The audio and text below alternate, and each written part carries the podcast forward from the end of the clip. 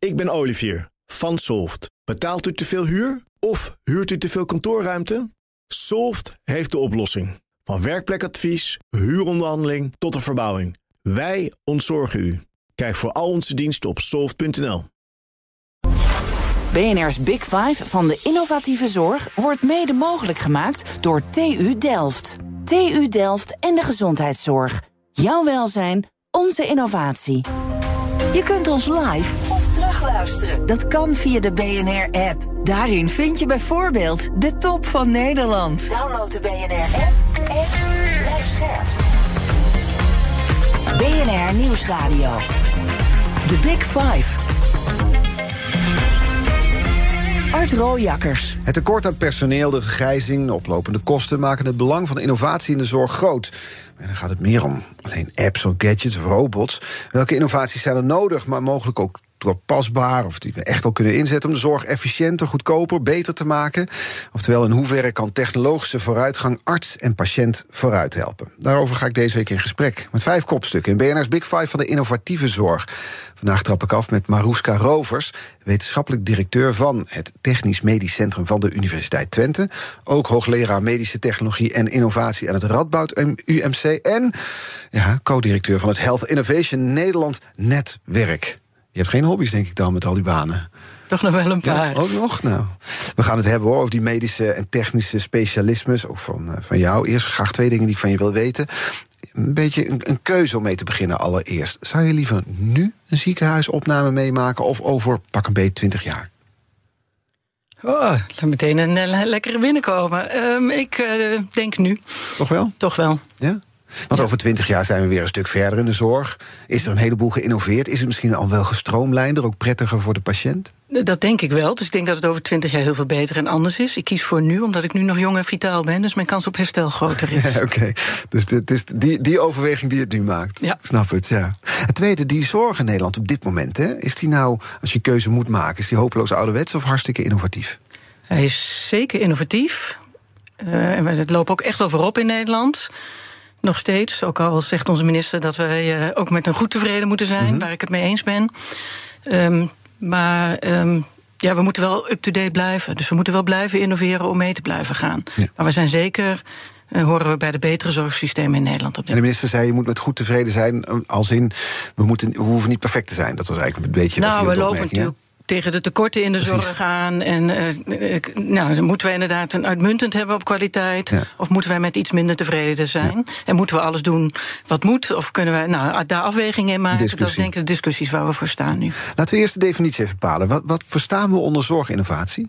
Zorginnovatie is een breed begrip. Voor mij is dat alle methoden, technieken, maar ook processen of producten die als doel hebben om die zorg kwalitatief beter te maken, toegankelijk te houden, efficiënt te maken. Uh, en uh, ook doelmatig te houden, dus betaalbaar te houden voor de consument. En dat is dus heel breed. Het gaat van diagnostiek, preventie naar behandelingen, maar ook logistieke processen. Ja, dus eigenlijk alles om die zorg eigenlijk bete beter, betaalbaarder, efficiënter te maken, als ik het, als ik het samenvat. Ja. Dat is best een uitdaging in de zorg, toch? Dat is een hele grote Jaar na uitdaging. jaar wordt het duurder. Uh, we doen jaar na jaar meer, de kosten lopen meer en meer op. En dat moeten we dus innovatief kunnen oplossen. Dat kunnen we innovatief oplossen. Een beetje terug op de vraag die je me net stelde. Hè. Dus ja, we zijn innovatief. We zijn ook al een beetje conservatief. Want we zetten heel veel van die producten in nu als iets extra's. En heel vaak is het bedoeld en ontwikkeld om in plaats van iets te komen. Dus AI in de zorg. Mm -hmm. He, uh, is bedoeld eigenlijk om de dokter te ontlasten of ja. de verpleegkundige te ontlasten. Wat we nu nog steeds doen, is het er vaak bijzetten als iets extra's. En dus niet die dokter vrijspelen. Wij moeten iets meer lef gaan tonen, denk ik. Om het dan ook in plaats van die dokter af en toe in te durven zetten. Zodat je die dokter vrijspeelt om andere dingen te kunnen doen. Want als we het heel concreet maken, bijvoorbeeld AI kan nu al beter dan een arts huidkanker opsporen, heb ik me laten vertellen. Die laat je een x aantal foto's zien en dan, dan zegt, ik doe net alsof het een persoon is, maar dan kan AI herkennen risicofactor of deze patiënt, deze niet, et cetera, toch? Ja, zeker op beeldvorming kan AI echt al heel veel. En is die in een aantal gevallen gewoon beter dan de dokter. En zelfs als die niet beter is, ook de dokter kan fouten maken. Dus we moeten met elkaar afwegen, vinden wij het goed genoeg dat die AI ook af en toe een foutje maakt. Eh, maar houden we wel die zorg toegankelijk. Ja, en, en wat er nu dan gebeurt, is die foto's, waar AI dus een herkenning in kan laten plaatsvinden, die worden ook nog door een arts bekeken. Het is eigenlijk dubbel ja, werk nu. Heel vaak wel. Vaak doen we en-en. Ja, en daarvan zeg je dat is te conservatief. Ja. Want het kost te veel tijd, te veel geld. Precies. Precies waar die innovatie niet voor bedoeld is. Nee. Ik stel te veel directe vragen, merk je het? We gaan je weer meer ruimte geven om antwoord te geven. Want als we kijken naar die innovatie dan, hoe het dan wel zou moeten... wat zijn dan de grootste punten waarmee je innovatie nu zou kunnen inzetten in de zorg? Ja, dus, dus we hebben heel veel zorg, innovaties die we in kunnen zetten. Denk aan robotica, uh, imaging, sensoren en wearables. Hè. Dus we doen ook heel veel zorg thuis. Uh, en wat ik denk dat wij beter kunnen doen nog, is het, ja, ik noem dat terug uh, ontwikkelen. Dus met het einde voor ogen, waar willen wij iets inzetten? Waar hebben wij een probleem? Waar is er echt nog een behoefte aan zorginnovaties? En dan dat gaan ontwikkelen vanaf het begin, hand in hand met elkaar. Ja. Dus techneuten samen met dokters, zorgpersoneel. Om dan echt dat daarin te zetten waar de behoefte is. Ja. Want de behoeftes zijn nu, dat komt, dan heb je dus over personeelstekorten. Uh, de, daar, daar hebben we het dan bijvoorbeeld over. Ja, dat is een hele grote. Dus met name de ziekenhuiszorg en ouderenzorg. Met een enorm groot personeelstekort. Op het moment wordt het alleen maar groter. Op dit moment werkt al één op de zes in de zorg. De voorspellingen zijn dat dat richting 2030 één op de drie wordt. Eén op de drie niet... mensen in Nederland in de zorg werkzaam. En dat is niet houdbaar. En daar gaat technologie, kan daar zeker bij helpen als ze het goed inzetten. Ja, nou gaat het bij de formatiebespreking ook hierover. Hè? Over bijvoorbeeld buitenlandse verpleegkundigen die hier dan wel of niet aan de bak moeten kunnen. Is, dat hangt hier meteen mee samen. Ja, dat klopt. Dus, en, en nogmaals, zorginnovaties kunnen daar deels bij helpen. Uh, maar we hebben nu ook al een tekort. Dus we hebben die mensen ook op dit moment wel nodig. Ja, hoe kijk je naar dat soort Haagse discussies? Uh, nou, ik ben heel benieuwd waar we nu op uitkomen. Alle partijen die nu aan het formeren zijn, zeggen heel veel geld in zorg te willen steken. Mm -hmm. Maar het is niet altijd even duidelijk waar ze dat aan willen, in willen steken. En ze hebben het ook niet door laten rekenen. Dus, maar zo personeel erbij. Het personeel ligt niet voor het oprapen. Anders hadden we nu geen zorgpersoneelstekort. Nee. Nou, nou, heb je al drie banen, dus je bent al druk genoeg. Maar stel ze bellen straks. Er komt een kabinet, zeggen Maroeska Rovers, minister van Volksgezondheid. Want we willen die innovatie ook politiek gezien gaan inzetten. Wat zou het eerste punt zijn waarvan je zegt dat moet ik dan echt bovenaan de agenda zitten? Het eerste punt dat ik bovenaan de agenda zet, is dat we echt gaan kijken dat we het uh, goed inzetten. Dat we het ex als ex, niet als extra inzetten, maar echt als substitutie daar waar het kan. Zodat we echt dat personeel vrijspelen en ze ook weer de kans geven om dat te doen waar ze aan willen werken. Die verpleegkundige wil graag zorg leveren, wil graag goed voor zijn of haar patiënten zorgen. Uh, en ik denk dat we echt moeten kijken hoe kunnen we technologie dan zo inzetten dat dat ook weer kan. Ja, en, en kun je daar een voorbeeld van geven? Van wat er bijvoorbeeld mogelijk is, technologisch gezien, wat nu nog niet zo wordt ingezet? Nou, iets waar we al de hele tijd mee bezig zijn in Nederlands continue monitoring. Hè. Dus dat je mensen eerder naar huis stuurt, maar dan continu thuis laat monitoren. Uh, dat zijn we nog steeds aan het onderzoeken. Uh, maar dat zou er iets zijn dat mensen eerder naar huis kunnen, zodat verpleegkundigen weer meer tijd heeft voor anderen en weer nieuwe mensen opgenomen kunnen worden. En die continue monitoring vindt dan op afstand plaats, ook met de AI, neem ik aan, die dan meekijkt? Ja, kan beide. Hè. Dus je krijgt ergens een continu of een pleister of, of iets anders. Uh, en daar zit inderdaad een AI-algoritme onder om te kijken: hey, kom je nu boven een drempel of onder een drempel? Mm -hmm. Uh, en dan kan iemand op afstand vaak ook nog meekijken of er altijd is om je bij een ziekenhuis te melden, of dat het een ongelukkig signaal is. Uh, eigenlijk een fout positieve signaal. Ja. Uh, waardoor je misschien toch thuis kunt blijven. Dat doen we nu nog niet, omdat? Nou, we nog niet genoeg bewijs hebben dat dit al voldoende werkt. Dus het wordt wel steeds meer ingezet. In testfase maar dat kan nog veel, Ja, maar dat kan nog veel beter. We, we, gaan meteen naar de kettingvraag toe. Volgens mij heb je vorige week een aantal gesprekken meegeluisterd. Hadden we net over. Hè? Deze is van Jeroen Leenaerts. Dus je wist welke vraag er op je afkwam. CDA, Europarlementariër. was in de Big Five Week waarin mijn collega Diana Matroos met vijf experts in gesprek ging over het migratievraagstuk. Heel ander onderwerp weer. Allemaal terug te luisteren als podcast trouwens. Jeroen Leenaerts had deze vraag voor je ook in de zorg hebben we een enorm arbeidstekort natuurlijk. En eh, ik vroeg me af, er wordt ook heel vaak naar migratie gekeken. Maar in hoeverre kun je nu ook met, met innovatie, dus uh, waar zij heel hard aan werkt, in hoeverre kun je met innovatie dat soort problemen op de lange termijn misschien ook oplossen? Ja, op de lange termijn het personeelstekort oplossen met zorginnovatie. Ja, dus hij zegt ook, hij maakt vorige week werd heel goed onderscheid gemaakt tussen arbeidsmigratie en algemene migratie. Mm -hmm. Dit gaat echt over arbeidsmigratie. Nou, ik zou, we hebben enorm tekort. We hebben op dit moment 50.000 mensen tekort al in de zorg. Dat loopt op naar 135.000. Wanneer is dat? In 2030 al, ja. dus vrij snel. Uh, en, en ik zei net al, zorgtechnologie kan zeker op termijn dat mee op gaan lossen. Er is vorig jaar of twee jaar geleden een rapport van Gupta uitgekomen die dat ook laat zien. Dus zorgtechnologie is in staat om dat personeelsprobleem mee op, deels mee op te lossen, net niet helemaal. En moeten we het wel goed inzetten, zeggen zij ook. Dus dat is één kant van het verhaal. We hebben nog steeds een acuut tekort, dus we hebben nu ook arbeidsmigranten nodig. En er is nog een veel belangrijk probleem. We moeten wel die zorgtechnologie blijven maken en ontwikkelen. Mm -hmm. En daar hebben we slimme technici voor nodig. Dus ik ook ben het tekort aan? En daar, ja, dus de baas van ASML, maar de Technische Universiteit en de grote technische bedrijven doen ook een oproep aan de huidige mensen die aan het formeren zijn. Hè. Uh, gooi nou niet het kind met het badwater weg, want we hebben die technici echt nodig in de brede zin. Zowel de slimme technici die het ontwikkelen, mhm. maar ook de mensen die het maken. En daar hebben we echt een tekort aan in Nederland. Dat is aan de technische kant. En in de zorg, als je het dus hebt over die 50.000 mensen tekort, die 135.000 in 2030. Wat voor banen zijn dat? En dat zit met name in de ouderenzorg en de ziekenhuiszorg. Daar hebben we grote tekorten. Dus zowel verpleegkundigen in die twee domeinen, daar lijken we echt een enorm tekort aan te hebben. En daar kunnen we dus technologie voor in gaan zetten. Lost het probleem net niet helemaal op. Dus we hebben mhm. nog, zeker nog iets extra nodig. Maar het gaat wel een groot deel van het tekort op kunnen lossen. De Big Five. Art Rooijakkers. Met vandaag de gast hoogleraar medische technologie en innovatie aan het Radboud UMC, Maroeska Rovers. Uh, dus ook wetenschappelijk directeur van het Technisch Medisch Centrum, het TechMed Centrum noemen jullie volgens mij, hè, van de Universiteit uh, Twente. Uh, daar zijn jullie bezig met zorginnovatie, dag in dag uit. Op, manier, op welke manier wordt het daar ja, eigenlijk aangejaagd? wij zien onszelf echt als innovatiehub in de regio, nationaal en internationaal. Dus waar wij echt op proberen te werken is onderzoek. Samen met het bedrijfsleven en de technici van de universiteiten en de zorgpartijen in de regio nationaal. Mm dus wij doen ook heel veel met het MST en ZGT's en twee ziekenhuizen in de buurt. Ja. Dus daar komt de vraag vandaan die wij vaak maken. En dan hebben we vrij veel bedrijven in de regio die ook meewerken. Dus ja, en dan doen... probeer ik zorg en technologie samen te brengen. Ja, zijn dat, dat zijn twee totaal verschillende werelden. Dat klopt. Maar het is wel mijn ambitie om die bij elkaar te brengen. Ja, want aan de ene kant heb je die, die beta's uit de technologie. Aan de andere kant heb je de, de alfa's, zou ik maar zeggen, uit de zorg. En dat moet dan met elkaar gaan communiceren. Dus dat eh, klopt helemaal. En ik zie nog steeds ook wel dat we toch af en toe tech-push hebben. Dat de technologie ontwikkeld wordt waar geen vraag achter zit. Oh ja? En ik zie uit de zorgvragen komen van ik denk, hey, zit er nou een slimme technoloog bij? En dat is precies wat we proberen te doen uh, in ons uh, TechMed-centrum. En daar zit jij dan midden tussen? Ja. Hoe, hoe, hoe laat je die werelden met elkaar communiceren? Hoe doe je dat? Ja, dus ik geloof er echt heel stevig in dat je dus moet ontwikkelen met het doel voor ogen. Dus wat, waar wil je in dat zorglandschap landen? Welke vraag zit erachter? Uh, welke behoeften zitten achter? En dat je daar vanaf het begin begint. Dus ontwikkeling en evaluatie gaat voor mij hand in hand. Dus ik wil die techneut vanaf het begin bij die medici mee laten kijken. Werkt het ook? En dan kun je dus ook samen, ook eventueel de patiënt, liefst ook de patiënt, dat je in co-creatie echt gaat ontwikkelen wat er nodig is. Als je dat aan het begin doet, betere kans dat het straks ook echt in die zorg geïmplementeerd wordt. Dan snap ik dat er ook vertrouwelijke plannen zijn. Maar kun je een voorbeeld geven van iets waar jullie dan over nadenken of wat jullie aan het testen zijn? Uh, nou, iets waar wij veel op doen is op het gebied van beeldvorming. Dus wij hebben een, een, eh, een OK. Wij mogen in Twente geen patiënten zien, hè, want we hebben geen ziekenhuis op de campus.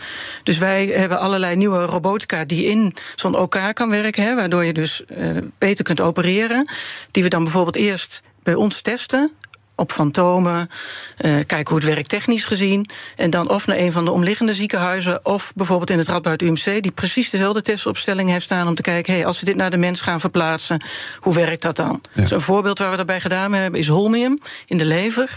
Uh, waar je dus specifiek op kunt zoeken waar de tumor in de lever zit en dan met holmium weg kunt halen. Dus dat is een invasieve methode om tumorbehandeling te doen. Ja, hoe, hoe, test je dat dan? In eerste instantie, voordat je bij patiënten doet? Nou, bijvoorbeeld in fantomen. En kun je het zichtbaar maken? Kun je op beeld uh, die holmium zichtbaar maken? Dus zo wordt dat eerst in fantomen getest. En dan ga je langzamerhand naar de, voor eerst in mensen testen. Ja. Misschien is dit een enorme lekenvraag, maar die eerste mens waar je op test, dat lijkt me doodeng.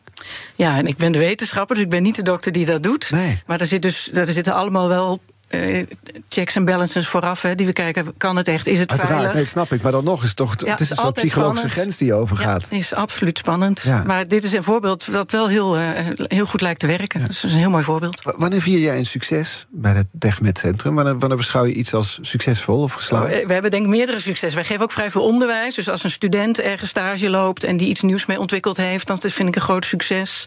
Uh, als wij inderdaad een prototype hebben ontwikkeld waar mensen enthousiast over zijn. Als wij met een nieuw bedrijf samenwerken of met een bedrijf samenwerken en er komt iets moois uit. -hmm. Dus uh, veel succes. Op die manier, ja. Ben, ben je ook directeur van, en mede-oprichter ook volgens mij van Health Innovation Nederland. Een club die investeert in jonge bedrijven die de zorg willen innoveren. Hoe doen jullie dat? Ja, dus het is uh, door VWS mee uh, gelanceerd. En we zijn een netwerk, dus we zijn geen stichting, we zijn niks officieels. En er zitten eigenlijk alle belangrijke zorgpartijen van Nederland in. Dus een zorginstituut, de Patiëntenfederatie, de Federatie Medespecialisten. nou, mensen met een CE-achtergrond die wat van de wetgeving weten de, de, universiteiten, de UMC's. Dus eigenlijk, nou ja, als je op de website kijkt, kun je zien wie je allemaal hebben. En wat wij doen, is liefst in zo heel vroeg mogelijk stadium al die belanghebbenden samenbrengen. Samenbrengen. Dus de innovator komt met zijn bedrijf binnen, met zijn pitch. Dit wil ik gaan doen. Uh, en dan gaan wij met al die stakeholders kijken. hey, Vinden we dit inderdaad een goede claim? Wat is de claim? Waar moet dit landen? Willen we dit op de markt hebben? En dan gaan we proberen die innovator te helpen om dat ook geïmplementeerd in de zorg te krijgen. Ja, volgens mij is er aan ideeën geen gebrek, toch? Of wel? Nee, er zijn heel veel ideeën. Ja, dus hoe, hoe scheid je het kaf van het koren dan? Uh, nou, hier moeten innovatoren voor betalen. Dus je moet er zelf ook al heel erg in geloven. Daar zit al een drempel, een goede drempel wat mij betreft.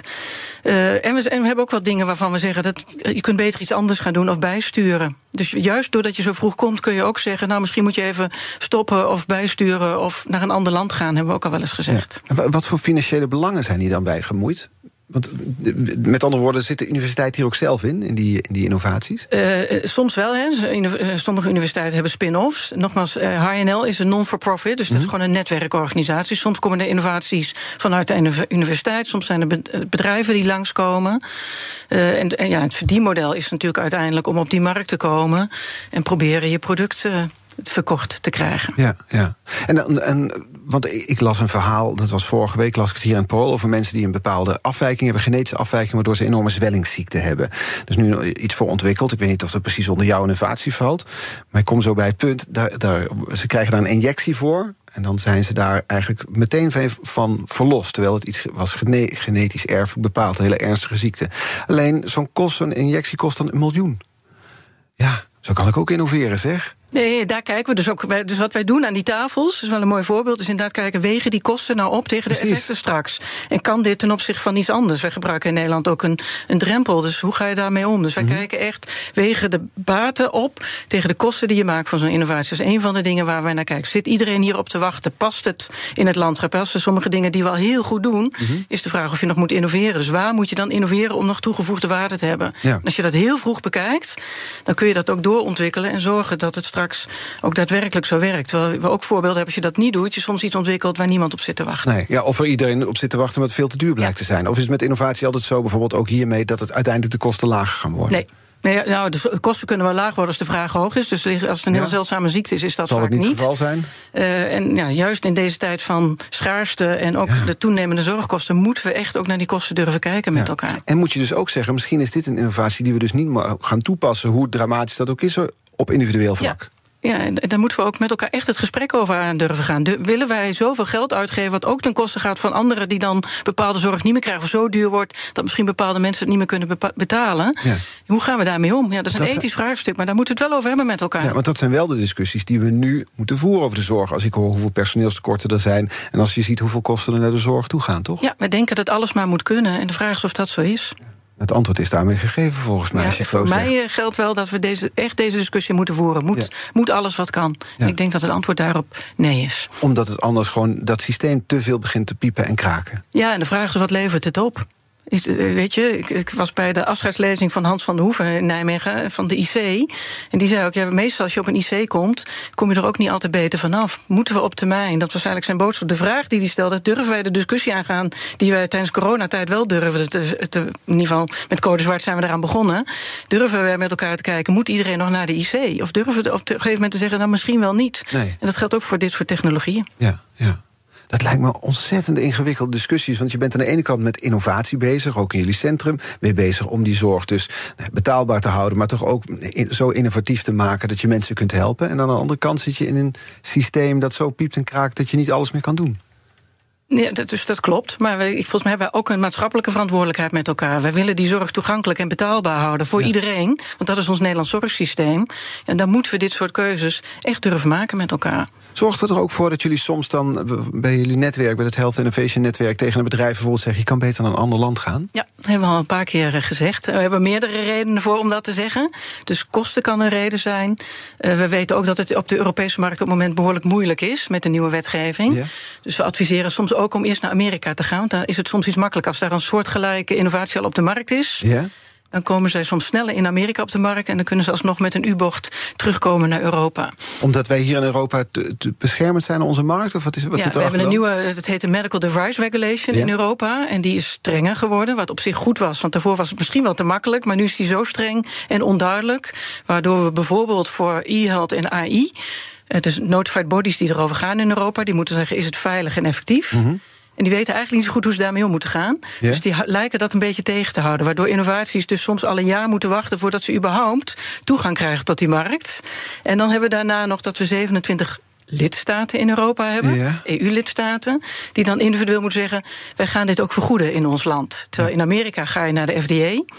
En heb je meteen heel Noord-Amerika, als de FDA het goedkeurt, waar je het kunt verkopen. Dus dat is echt een ander model, waardoor je soms beter eerst naar, hoe vervelend ik het ook vind, beter eerst naar Amerika kunt gaan. Ja, dat geldt toch ook weer hier van wie bel je als je Europa wil spreken, die aloude uitspraak. Hè? Wie, wie, welk telefoonnummer moet je eigenlijk hebben? Ja. Ja. Eigenlijk een wonderlijke U-bocht die je moet maken dan via Amerika, toch? Ja, nou, heel veel doen het ook niet, willen wel. Ze zijn ook echt voor de Europese markt gemaakt. Eh, maar ja, de wetgeving heeft het wel ingewikkelder gemaakt. En zeker voor de e-health en AI Ja. Is het op het moment eh, echt heel erg lastig. Daar speelt dan ook nog bij AI en e-health speelt iets als privacy mee. Of speel, hè? En nu komen dat soort gegevens dan sneller dus in Amerikaanse handen dan dat ze hier in Europa blijven. Of ja, dat ligt een beetje zien? aan hoe het bedrijf het heeft gemaakt. En Ja. of die gegevens vrij zijn, meestal niet. Er zit wel een wet achter. Mhm.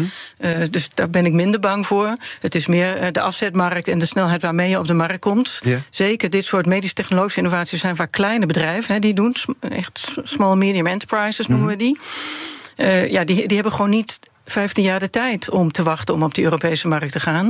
Dus als dan Amerika sneller is, eh, kiezen ze daar soms eerst voor. Ja. En meestal is Amerika sneller op dit vlak, toch? Eh, ja, niet in alles, maar bij AI en e-health op het moment wel. Ja. How's your English? Heb je ooit gedacht, dan ga ik zelf in Amerika zitten? Nee, want ik wil, ik wil juist die bedrijven naar de Europese markt. ik heb de ambitie om hier de zorg in Nederland en Europa beter te maken.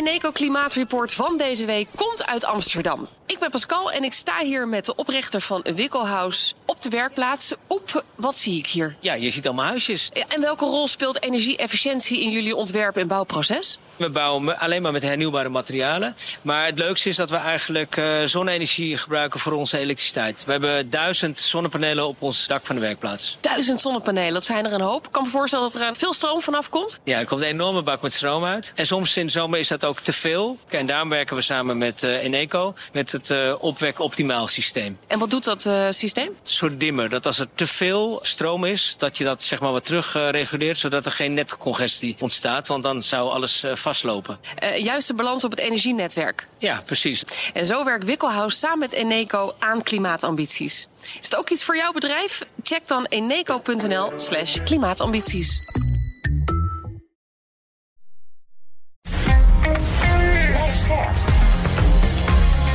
BNR Nieuwsradio. The Big Five. Art. Welkom bij het tweede half uur. Deze week vijf kopstukken uit de wereld van de innovatieve zorg.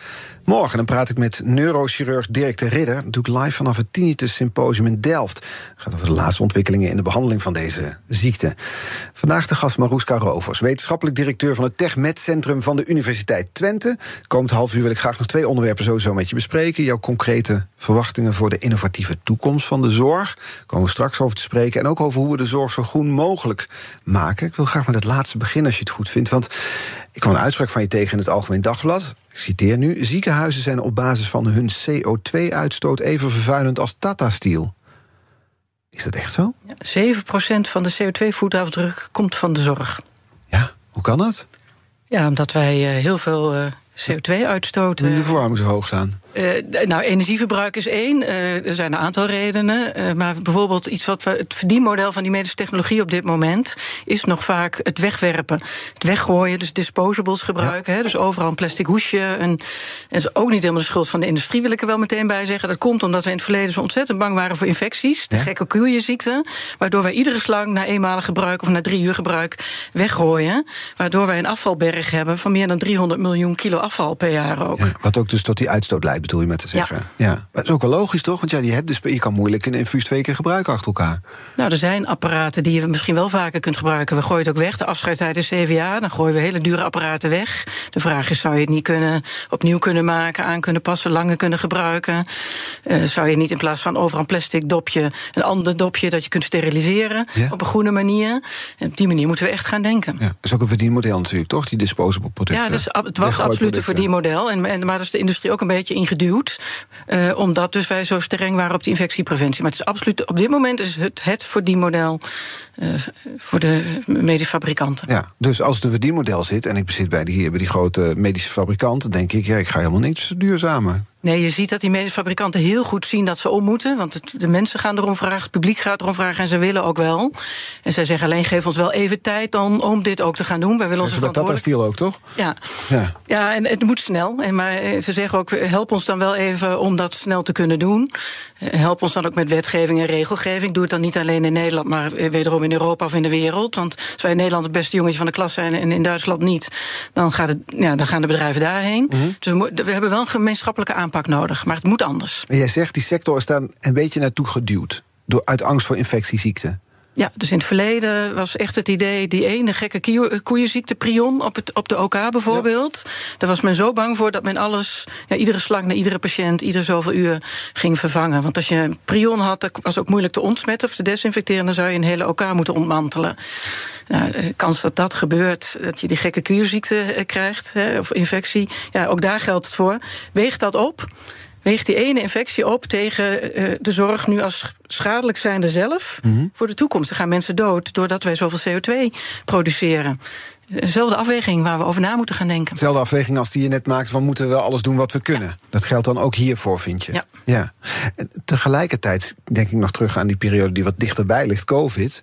Toen moest ook alles nou ja, weggegooid worden. Ik, ik, het ene mondmasker naar het andere verdween bij mij thuis al in de prullenbak. Laat staan hoe dat in de ziekenhuizen was. Ja, een prachtig voorbeeld. En handschoenen ook. We bleven maar handschoenen aandoen. Terwijl eigenlijk, als je kijkt naar de evidence die er is, dat is dat heel goed je handen wassen. Van patiënt naar patiënt misschien wel beter is dan handschoenen. Laat staan als die handschoenen schaars waren en je ze misschien wel aanhield om jezelf te beschermen. Is de vraag of dat voor de patiënten ook het geval was. Ja. Dus ook daar moeten we echt na gaan denken: wat is dan beter? Hoe gaan we dat doen? En ja, eh, COVID was een prachtig voorbeeld hoeveel afval er is en hoe we dat dus ook allemaal maar weggooien. Ja. En die afvalberg ging tijdens COVID eh, groeide of niet? Weet ik eigenlijk niet. Nee? Het moet haast wel met al die mondmaskers. Ja. Maar we hadden ook iets minder zorg. Hè? Dus de zorgproductie zo. ging omlaag. Dus het zal wel eens uiteindelijk eh, Gelijk gebleven kunnen zijn. Het is een hele menselijke reflex, toch? Om je te willen beschermen. Of je patiënten te willen beschermen met bijvoorbeeld hè, iets, zoiets concreets wat je net zegt, die handschoenen. Je denkt toch, het is veiliger dan dat ik mijn handen even was. Ja, dat klopt. Maar de vraag is of je ze echt beschermt. Je beschermt ze misschien nu eh, eh, op dit moment. Ja? Maar als wij over tien jaar eh, nog meer opwarming van de aarde hebben... en wij eh, doodgaan aan andere ziektes, Uh-huh. vectorziektes die binnenkomen... malaria, muggen die hier komen en we ziek worden... dan gaan we uiteindelijk dood aan de bescherming die we nu bieden. Ja. En dat, ja, dat is niet houdbaar ook. Het, ik, ik zit dan te denken dat nu, je bent dus dan verpleegkundige... en denk ik, ik doe het goed om me- met mijn handen te wassen... maar vooral ook die handschoenen aantrekken. Maar uiteindelijk draag je dus bij aan een uitstoot en klimaatverandering, zeg jij. Nou, ik denk dat de verpleegkundigen heel goed weten wanneer ze het wel en niet moeten doen. Ja. Eh, maar, en, maar het is wel bewustwording, bewust daarmee omgaan. En er is gewoon een hele goede handschoenenrichtlijn eh, waar ze zich gewoon aan kunnen houden. Dus soms moet je natuurlijk echt wel handschoenen aan. Eh, als je met bloedproducten werkt bijvoorbeeld, is Mhm. Ja. er zo één. Maar de vraag is of het altijd moet en dan is het antwoord nee. En zijn er innovaties in de zorg die bij kunnen dragen... aan de verduurzaming van de sector? Eh, ja, dus eh, nou ja, je kunt allerlei. Hè. Je kunt dus eh, apparaten hergebruiken. Je kunt ze niet alles meteen weer weggooien. Hè. Van die grote niet-machines op de OK, waar ze dus hechtingen mee doen. Ja, die worden nu na één OK weggegooid. Daar zou Niet je- machine. Ja, dus om, om dicht te hechten. Ja? Zo noemen ze de niet-machine. Ja, maar de nietjes zelf Ja, worden... het is zo'n apparaat, dus Ja? is een, ik denk ruim een halve meter groot. En die wordt gewoon weggegooid na de tijd. Terwijl je ook kunt zeggen, nou die zou je kunnen kijken of je die kunt, opnieuw kunt gebruiken, kunt steriliseren. En dan de volgende elkaar nog een keer. Ja. En nu is de logica om het niet te doen, want we weten niet goed hoe we het moeten steriliseren? Of is het gewoon de richtlijn en daar houden we ons nu Het helemaal is aan? eh, vaak de richtlijn en we denken dat het veiliger is. ehm, en, en dus gooien we het allemaal maar weg. Ja. En dus onderzoek je dat dan, of bekijken jullie dat dan en zeggen, nou, dat is eigenlijk misschien helemaal niet veiliger. Eh, dus er zijn nu heel veel onderzoeken in allerlei ziekenhuizen die laten zien dat dat, eh, dat bewijs helemaal niet zo hard is als we dachten. Ja. Speelt dit eigenlijk in de zorg, of is het iets waar je zelf mee bezig bent, die Nee, verduurzaming, die vergroening? Dit speelt enorm in de zorg. Dus juist die verpleegkundigen die je net noemde. Je hebt de groene OK, Ja, de groene IC. Er zijn heel veel mensen die heel erg bewust mee bezig zijn. En er zijn ook vooral de studenten, geneeskunde bijvoorbeeld, studenten in de zorg, die hier nog meer mee bezig zijn. Het is Oh ja? hun toekomst. En die zijn hier, ja, die, die willen hier allemaal iets mee. Ja.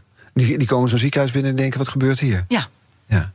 En terwijl ja, daar ben je gewoon gewend. Dat doe je nou eenmaal zo, want dat zijn de richtlijnen. Dus het is interessant dat zo'n jonge generatie dat dan dus komt, nou ja, in twijfel komt trekken. Ja, die stelt de vraag: is dit echt zo? Ja, ja. Nou, was je ook, je bent, nee, was voorzitter van de commissie Duurzame Medische Hulpmiddelen. Hè, die eh, namens de Gezondheidsraad ja, duurzaamheidsadvies, noem maar even, gaf aan de minister. Wat, voor advies hebben jullie gegeven? Ja, dus de eh, minister vraagt de Gezondheidsraad om advies. En die vroeg in dit geval: kunnen jullie ons, eh, mij een advies geven, ministerie een advies geven over inderdaad die duurzame medische hulpmiddelen? Kan dat beter, kan dat anders? Dat hebben wij gedaan. En een van de dingen die wij daarin gezegd hebben, is inderdaad die, die 10 R'en. Hè. Hoe gaan wij beter om met medische hulpmiddelen? Dat kan echt anders. Eh, en een ander iets dat wij gezegd hebben, eh, beste minister, neem het nu op. Neem duurzaamheid op in de wet WKKGZ. Wet kwaliteit eh, en geschillen. Ja. Eh, het? WKKGZ, ja. WKKGZ. Kwaliteit. Kwaliteit, En nog veiligheid en klachten is het. Ja, kwaliteit, klachten, gezondheidszorg. Nou, we ja, zijn er. Ja. we zijn er. Eh, neem het nou erop, want daar staat het nu niet in. En als Nee. je dat doet, dan moeten ze zorg ook eh, rekening gaan houden met duurzaamheid. Het gebeurt?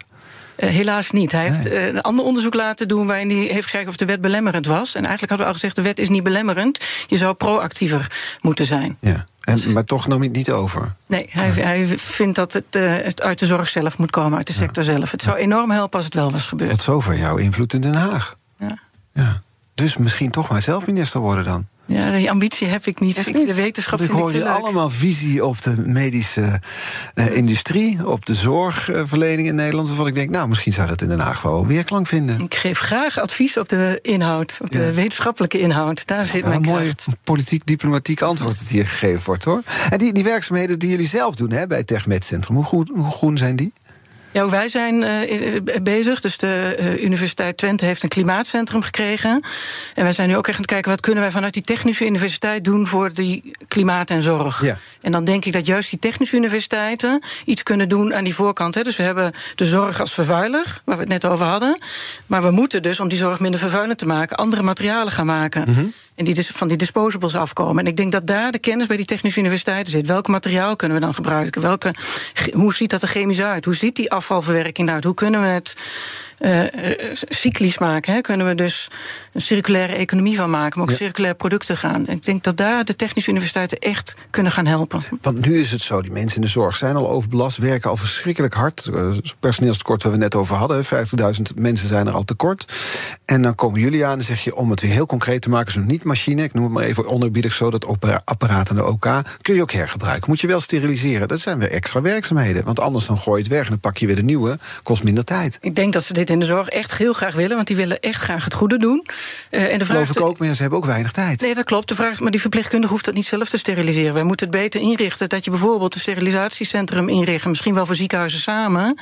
Zodat dit kan. Zodat je het. In plaats, nu gooi je het in de prullenbak. is ook een handeling. Je Ja. kunt ook zeggen: doe het in de andere doos. En die doos gaat naar een sterilisatiecentrum. Ja, en dan wordt het daar allemaal wordt het op die manier gesteriliseerd... en kan het weer hup terug het ziekenhuis in om nog een keer gebruikt te worden. Precies. Zijn we niet veel te klein in Nederland om dat soort zorg- zorginnovatie toe, toe te passen? Eh, nee, ik denk juist dat Nederland voorop kan lopen. Nogmaals, het is zo'n groot probleem. De opwarming van de aarde is zo groot. Ja. Dus we moeten hier iets mee. En wij zijn echt innovatief in Nederland. Dus wij kunnen laten zien aan de rest van Europa en de wereld hoe we dit beter kunnen en moeten ik, doen. Ik citeer nu toch, ik citeer jou zelf even weer in het Algemeen Dagblad. Je zei waar wij als Nederland niet zo goed in zijn, is schaalvergroting. Blijft vaak bij leuke ideeën. Eh, eh, Eens. Dus we moeten dat, en dat gebeurt nu al. De NFU heeft daar een rol in gepakt. Maar we moeten het zeker naar Europa uitrollen. Dus Nederland zal een voortouw hopelijk gaan nemen om dat ook in Europees verband te gaan doen. Want hoe doen wij het in Europa vergeleken met andere landen nu? Als we kijken naar de zorginnovatie. ook- eh, Zorginnovaties doen wij heel goed. Zeker medische technologie zijn wij hebben een grote maakindustrie in Nederland. En ook juist bedrijven die toeleveren aan grote bedrijven. En daar zit natuurlijk ook de vernieuwing voor duurzaamheid in. Dus ik denk dat Nederland echt een rol kan spelen hier. Ik ben Olivier van Solft. Betaalt u te veel huur of huurt u te veel kantoorruimte? Solft heeft de oplossing. Van werkplekadvies, huuronderhandeling tot de verbouwing. Wij ontzorgen u. Kijk voor al onze diensten op soft.nl. Technologie lijkt tegenwoordig het antwoord op iedere uitdaging. Bij PwC zien we dit anders. Als we de potentie van technologie willen benutten, kunnen we niet zonder een menselijk perspectief. Human-led, tech-powered noemen we dat. Ga naar pwc.nl. En om 11 uur BNR Zaken. BNR Nieuwsradio. The Big Five. Art Rojakkers. Je luistert naar BNR's Big Five van de innovatieve zorg. Later deze week praat ik met Carina Helders, directeur van het Reinier de Graaf ziekenhuis in Delft. Het gaat over de rol van leiders van medische organisaties in het aanjagen van innovatie. Vandaag de gast Maroeska Rovers, wetenschappelijk directeur van het TechMed Centrum van de Universiteit Twente.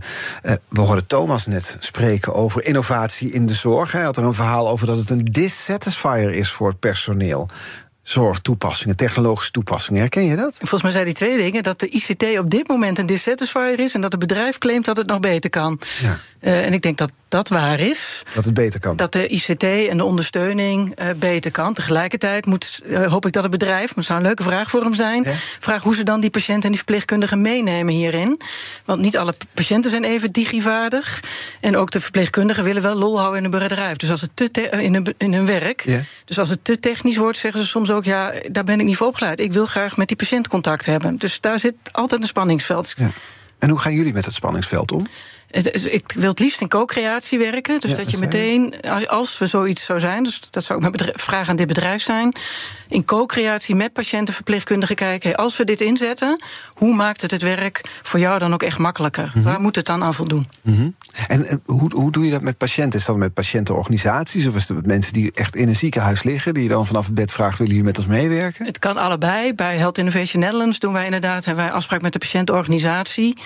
Uh, de Nederlandse Patiëntenvereniging, ja? die dan een afgevaardigde van een bepaald ziektebeeld waar het over gaat, en vaak twee mensen afvaardigt die ook wel mondiger zijn en hun achterban uitgevraagd hebben, ja. om dan mee te denken. Ja. Want dat is natuurlijk de vraag, en dat is interessant, daar wil ik eens met je induiken. Wat, wat wij als patiënten, want dan reken ik mezelf maar even toe als je dan eens wel eens in de ziekenhuis komt, wat je gaat merken van al die zorginnovaties. Want we begonnen met die vraag: zou je liever nu in het ziekenhuis liggen dan over 20 jaar? Toen zei je nee, liever nu, want mijn, mijn lichaam is nu nog jonger. Maar over 20 jaar gaat het wel een, een andere ervaring zijn. Want dan is de zorg weer gestroomleider dankzij al die innovaties die op ons afkomen. Dus vandaar de vraag: wat gaan we merken als patiënten van die zorginnovaties? Ja, heel veel. Hè? Kijk maar eens 50 jaar terug. Als je kijkt naar het ziekenhuis van toen. Mm -hmm. Toen mocht je bijna nog roken in het ziekenhuis. Ja. En als je kijkt naar nu, is het dan een wereld van verschil. Dus als we nog een keer, en het gaat exponentieel. Dus als we nu, nu weer 20, 30 jaar vooruit kijken, dan gaat het heel anders zijn. Dan gaat AI een rol spelen. En hoe precies weet ik niet. Uh, maar ik heb zelf een kunstproject gedaan, dat is dan misschien wel aardig om te vertellen, met de Koninklijke Academie van de Beeldende Kunsten, die eigenlijk een AI hebben gemaakt die alles in één is. AI is verpleegkundige, is dokter en alles kan op afstand, zoals ja. receptionist. Uh, en dat hebben we eigenlijk gedaan. Kunstproject, zeg ik al, om juist ook die burger mee te nemen. Wat vinden wij dan belangrijk? Moet die AI dan een robotstem hebben? Ja? Mag die AI dan een fout maken of niet? En wie is er verantwoordelijk voor die fout? Ja? Dus je kunt de burger op die manier ook bewust maken dat je best iets nu kunt vinden over wat er straks in die zorg gaat gebeuren. En wat, wat kwam daar bijvoorbeeld uit? Wat voor stem mag AI hebben? Uh, nou, we hebben nog niet heel breed getest. Okay. Maar uh, het, is, het hangt ook af van de generatie, lijkt. In ieder geval in eerste instantie. Dus de jongeren zijn, vinden dat minder belangrijk. De ouderen willen graag wat meer een uh, menselijke stem. En de jongeren zijn precies, ja, het is toch AI, dus... Maakt mij het uit. Ja, ja, ja. ja. ja. Ik, ik, probeer me gewoon in te beelden, want je leeft met je hoofd in zekere zin in de toekomst, omdat je ziet wat er allemaal aankomt. Dus ik probeer me in te beelden, misschien kunnen we samen een beeld schetsen, hoe het ziekenhuis van de toekomst eruit ziet. Ja, ik denk zelf denken? dat uh, de operatiekamer zal wel blijven. En een IC waarschijnlijk ook. Niet voor een aantal patiënten, omdat ze daar even een tijd moeten liggen. En daaromheen zal het echt wel minder worden. We zullen minder gebouwen krijgen. We zullen denk ik meer proberen uit het ziekenhuis te verplaatsen. Want? Dus langer thuis, nou niet alles hoeft ook in het ziekenhuis. Je kunt ook kleinschalige ziekenhuizen. We hebben al wat meer concentratie van zorg in Nederland. En we zien ook dat dat soms toch ook wel beter wordt. Ja. Uh, dus ik denk dat blijft. En de rest is een beetje spannend. Maar er gaat heel veel ja, zorg op afstand met uh, digitaal, AI, e-health. Uh, gaat gewoon gebeuren. Wij gaan met wearables lopen. Nou, we hebben allemaal al een watch waar we veel op meten. Ja. En, en dat gaat ook een trigger zijn of je wel of niet ergens heen moet. En maar dus eigenlijk moet ik me voorstellen dat je een ziekenhuis wordt een plek waar operatiekamers zijn en intensive care en verder vooral spreekkamers? Ja, bijvoorbeeld. Of die spreekkamers gaan nog dichter in de, uh, in de buurt uh, zitten. Hè? Dus ja? die, je kunt ook zeggen dat je een bepaald diagnostisch centrum bij jou om de hoek krijgt. Of dat we dat uh, dichterbij doen. Of dat je bij een muur iets kunt testen. Maar met al die e-health en monitoring wordt eigenlijk ons eigen huis in zekere zin een verlenging, een dependance van het ziekenhuis. Exact. Ja, dus dat is precies wat ik bedoel. Dus we gaan steeds meer thuis doen en thuis meten. En ik denk dat we steeds meer callcenters krijgen. Dat kan ook AI zijn of menselijk. Die dan tegen jou zeggen: hey, dit is wel iets serieus. En moet je mee naar een dokter uh, of, of, niet? Dat is wat ik denk. Hè. Maar ik, ook, ik heb de waarheid niet nee, in pacht, nee, gelukkig. Nee, we zijn lijnen uit het verleden door aan trekken, Ja. zou ik maar zeggen. Maar interessant is natuurlijk wat er dan gebeurt als er iets misgaat thuis. Nu in een ziekenhuis zijn de artsen zijn verantwoordelijk voor het zorgen van de patiënt. Hoe is dat als iemand thuis zit straks en je hebt AI ertussen zitten... en een soort verlenging van het, van het ziekenhuis in je woonkamer? Ja, dus eh, eh, eh, nou, als het signaal goed is, kun je dus waarschijnlijk snel naar een dokter toe. De vraag is ook, als er minder druk op is omdat je meer technologie inzet, kun je ook zodra er wel een signaal is, snel naar het ziekenhuis toe. Als AI echt goed is, kan het al van tevoren voorspellen dat het eraan zit komen. En ben je dus ook op tijd. Ja, ja. Maar goed, nu ben ik bijvoorbeeld gestruikeld. Ik moet gehecht worden. En dan, stap ik nu in de auto of op de fiets. Dan ga ik naar het ziekenhuis. Hè, of mijn vinger is gebroken. Kom ik bij het spoedeisende hulp binnen. Dus nu nog, mensen zullen precies weten wat je dan ongeveer kunt verwachten. Hoe is dat over een poosje dan? Want dat soort handelingen blijf je mensen voor nodig hebben. Je ziet nu al bij bepaalde dingen, bijvoorbeeld bij een ongeluk, dat mensen vragen: maak een foto van een ongeluk. Maak een foto van jouw vinger die scheef staat. Ja. Zodat ze kunnen anticiperen, moet die eh, gezet worden, moet die in het gips, moet die rechtgezet worden. Dus ik denk dat we veel meer met technologie op afstand op die manier gaan werken. Ja. Gaat dit snel zijn? Dus is het met andere woorden zo, neemt dit exponentieel toe? We leven nu in 2024 en we kunnen ons de zorg van 2030 al eigenlijk niet voorstellen? Ja, ik denk dat het exponentieel is. Als je terugkijkt naar 2050 en hoe snel het nu gaat, is het absoluut exponentieel. 19, 50 jaar geleden bedoel je, Ja. als je terugkijkt. Ja. Dus als je naar 1950 kijkt, naar het ziekenhuis van toen, wat we toen en wat we toen ook dachten dat we nu zouden hebben, Ja. dat klopt niet met wat we toen dachten. Nee, het gaat veel toen- sneller.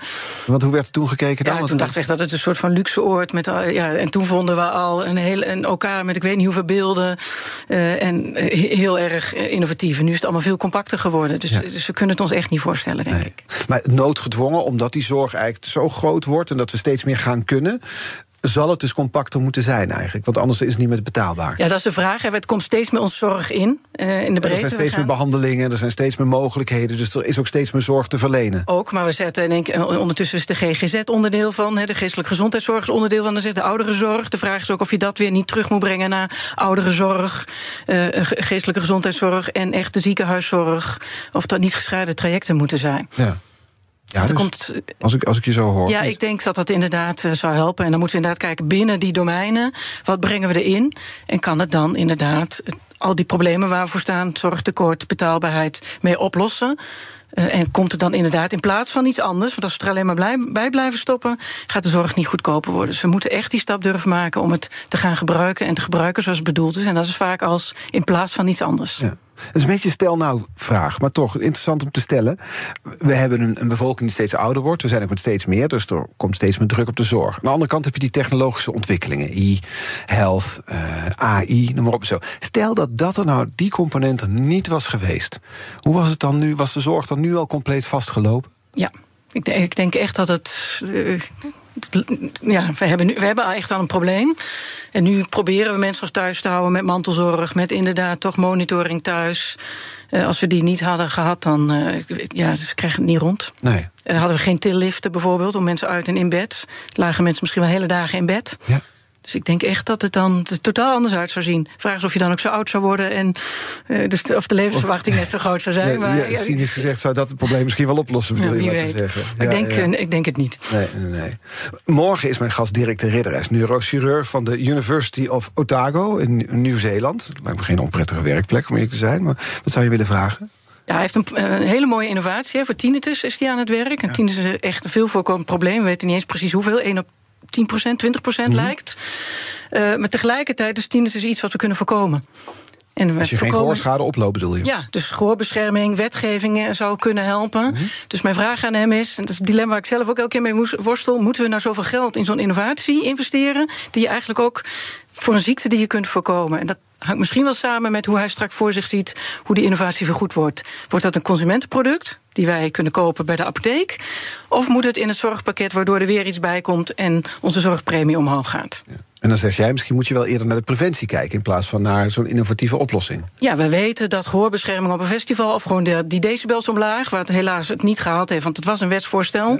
Als we dat doen, dat we heel veel zouden kunnen voorkomen. Ja. Maar ja, ik bedoel, je ziet, kijk maar eens op straat. Iedereen loopt met koptelefoons in zijn oren rond. Ze zijn continu hebben maar geluid in die oren. Dus er komt een dove generatie aan, wordt er voor gewaarschuwd. Ja, je kunt ook die koptelefoons begrenzen. Dus met wetgeving kun je daar echt iets aan doen. De meeste schade wordt over, echt bij, boven de 100 decibel. Hè, zit die. Dus op festivals, uh, discotheken, uh, uitgaan uh, en bedrijven. Hè. Dus werkgerelateerde tinnitus komt ook nog steeds vrij veel voor. Ondanks dat daar een wet is over geluidsbescherming. Dus er zal altijd wel een beetje blijven. Maar als we het geld maar één keer uit kunnen geven, moeten we het dan uitgeven aan innovatie aan de achterkant? Mm -hmm. Of aan innovatie misschien toch wel om het te kunnen voorkomen? Ja, ik vind het een interessante vraag. Gaat hem, uh, gaat hem morgen ga ik het hem zeker stellen. Ik ben er zelf ook ge geïnteresseerd. Ik, ik, heb een milde vorm van tinnitus. Dus ik ben er wel geïnteresseerd. Dan ook in de innovatieve oplossing. Voor mij is het al te laat, die preventie. Dus misschien is de andere kant oplossing te vinden dan. Dank voor het gesprek. Ik vond het een interessant uur en mooi om deze week zo samen af te trappen. Maroeska Rovers, hoogleraar medische technologie en innovatie aan het Radboud UMC... en wetenschappelijk directeur van het TechMed Centrum van de Universiteit Twente. Onze afleveringen die zijn terug te luisteren. Alle Big Five afleveringen. Dus ook die van vorige week van Diana Matroos over migratie. Zou het zeker doen. Dat kan als podcast via onze eigen app of je favoriete podcastkanaal. Dan hoef je geen aflevering te missen. En nu op deze zender. Hij staat al klaar volgens mij. Thomas van Zijl met BNR Zaken doen. Wij zijn er morgen weer. Tot dan. BNR's Big Five van de innovatieve zorg wordt mede mogelijk gemaakt door TU Delft. TU Delft en de gezondheidszorg. Jouw welzijn, onze innovatie. Ik ben Sylvia van Solft. Betaalt u te veel huur of huurt u te veel kantoorruimte? Solft heeft de oplossing. Van werkplekadvies, huuronderhandeling tot een verbouwing, wij ontzorgen u. Kijk voor al onze diensten op soft.nl.